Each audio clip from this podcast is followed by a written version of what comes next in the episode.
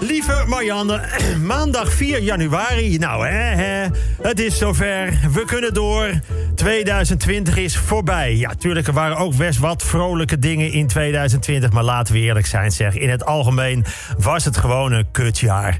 Tot het eind aan toe, voor mij ook. Dacht ik namelijk net dat ik het jaar zelf nog coronavrij had overleefd. Nee hoor, drie dagen voor het eind van het jaar, baf, corona milde symptomen. Maar toch, ik ben een man. En dan spreek je sowieso nooit van milde symptomen. Direct totaal binnenzitten. Anderen mochten nog twee gasten ontvangen. Dat lijkt weinig, hè, twee. Ik zou je zeggen, voor mij leek dat een enorm feest. Twee hele personen extra. Bijvoorbeeld oudejaarsavond. Mijn vrouw en ik op de bank. Nou, ik heb oudejaarsavonden met heel veel vrouwen op de bank gezeten. Maar niet met mijn eigen vrouw.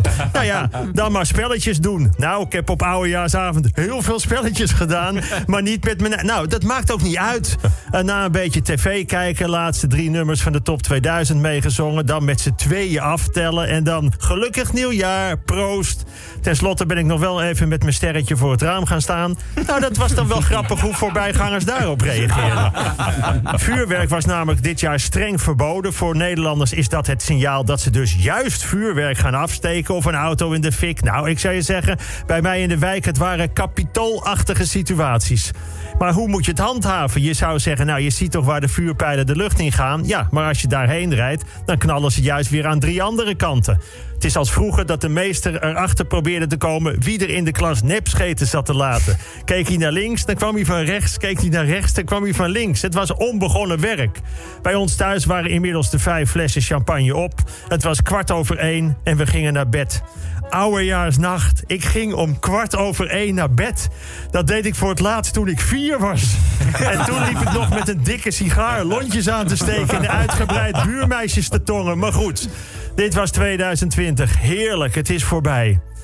Dinsdag 5 januari. Milde klachten, die had ik, dacht ik. Maar tijdens het kijken naar het oerzaaie schanspringen in Karmi-Spartakirche... had ik de overgebleven oliebollen in de oven gedaan.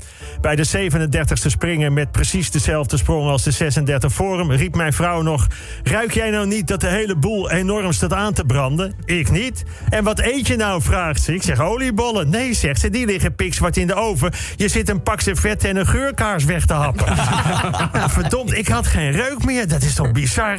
Het schijnt ooit weer terug te komen. Nou, daar gaan we er maar vanuit. Maar het scheelt ook geld, hè? De dure flessen wijn, ik heb ze weggezet. Kan nu elke avond een glaasje ruitenvloeistof. Waarom dure deo? Wc-verfrisser is voor mij prima. Zeep, houd toch op. Gestold frituurvet voelt precies hetzelfde. Het verschil tussen een maaltijdsalade of een kamerplant... ik proef het niet, hoor. Kortom, ik heb nog genoeg eten in huis. Mensen die nog twijfelen om zich in te laten enten, ik zou het maar, doen hoor. Je wil het gewoon echt niet krijgen. Toch twijfelt nog één op de vier. Nederland wordt ook wel het staphorst van Europa genoemd. Woensdag 6 januari, ik las een alarmerende kop in de krant. Zanger, eh, zanger van You Never Walk Alone overleden. Dan denk je toch gelijk aan Lee Towers. Of aan het hele legioen van Feyenoord of Liverpool. Nee, het ging om Carrie, uh, Jerry Marsden van Gary and the Pacemakers. Hij stierf van een hartstilstand. Wel zuur, hè? Heet jouw groep de Pacemakers? En, nou goed. Prachtig lied. Ik mis het. Ik zou zeggen, laat de stadions zo snel mogelijk weer de poorten openen... en dat er weer uit volle borst mag worden gezongen. Maar goed, het is wel gebeurd in Nederland. De eerste prik is een feit. Volgens minister De Jonge hadden we toch eerder kunnen beginnen met vaccineren. Maar wat is zijn smoes dan? Ja, de mail van het RIVM is denk ik in mijn spam terechtgekomen. Of ik ben zelf nogal bang voor zo'n prik, want die doen ze dus zonder verdoving. Ze hadden dus eerder kunnen beginnen. Net als bij de toeslagenfraude. Ja, we hadden eerder excuses aan kunnen bieden en eerder het geld terug kunnen storten. Als ministers voetballers zouden zijn, dan waren ze al bij elke club weggestuurd. Maar goed, het jaar is begonnen. Donderdag 7 januari. Paul McCartney heeft toegegeven dat hij vrijwel dagelijks een grote zilverspar op zijn terrein gedag zegt. Omdat hij ervan uitgaat dat het de geest van zijn overleden George Harrison draagt. Hij heeft die boom ooit gehad van George Harrison. Dus roept Sir Paul als hij zijn landgoed opruidt: Hey George, tegen een boom. Ik vind dat niet raar. Als ik mijn huis binnenkom en er is nog niemand, dan roep ik ook altijd: Hallo, huis. Bij de foto van mijn overleden vader roep ik: Hé hey pa, hoe gaat-ie? En tegen de koelkast zeg ik: Zo, heb jij nog wat te drinken voor mij? En zo ga ik door. Ik zeg heel veel dingen gedag. Tot mijn vrouw roept: Hé, hey, ik ben er ook hoor. In Moskou mogen sinds deze week de metro's worden bestuurd door een vrouw. Dat mocht tot nu toe nooit, omdat metrobestuurder op de lijst stond van beroepen die ongezond zouden zijn voor vrouwen. Het is voor vrouwen in Rusland nog steeds heel ongezond om evenveel kans te maken op een bepaalde functie en hetzelfde betaald te krijgen als mannen. De meest gegeven meisjesnaam in 2020 was Emma. Meest gegeven jongensnaam Noah. Op de tweede plaats bij de meisjes stond Noah. En op de tweede plaats bij de jongens Emma. Nou, het KNMI stopt met vergelijkingen met normaal weer. Bijvoorbeeld door te zeggen: het is drie graden warmer dan normaal. Daar stoppen ze mee, omdat door de klimaatveranderingen niets meer zo bestaat als normaal. In Amerika stoppen ze ook met regels van democratie, omdat sinds de laatste president niemand nog weet wat normaal is. Laat ik het zo zeggen: als de trainercoach langs de lijn voortdurend loopt te schreeuwen dat de scheidsrechter een lul is en de tegenstanders dood moeten, dan is de kans dat zijn team sportief blijft heel erg klein laat ik het zo zeggen, woede heeft nog nooit iets opgelost. En dan vrijdag 8 januari 2020 was het jaar van het grote stilvallen. Wat wordt het in 2021? Wat staat ons te wachten? Willen jullie eerst het slechte nieuws of eerst het goede nieuws? Oh, eerst maar het eh, slechte nieuws. eerst het slechte nieuws. Nou, het is allemaal nog niet best.